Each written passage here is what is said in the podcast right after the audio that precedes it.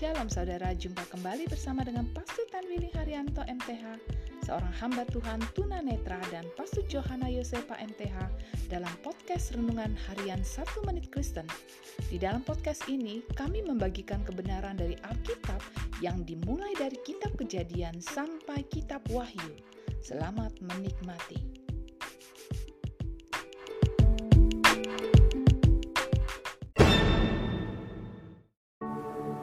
Shalom saudara-saudara yang sangat berharga di hati Tuhan.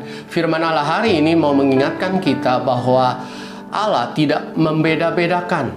Bezaleel membuat bejana pembasuhan dan alasnya dari tembaga dan dari cermin-cermin para pelayan perempuan yang melayani di depan pintu kemah pertemuan. Saudaraku, ketahuilah bahwa Allah tidak pernah membeda-bedakan anak-anaknya, baik laki-laki maupun perempuan, baik orang tua maupun anak muda, baik orang yang cacat maupun orang yang tidak cacat.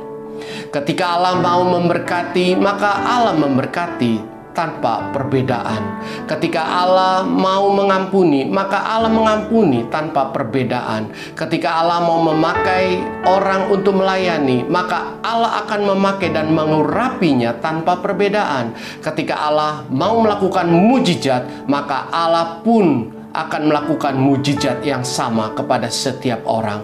Untuk itu, berjalanlah dengan Allah yang tidak pernah membeda-bedakan diri kita. Amin.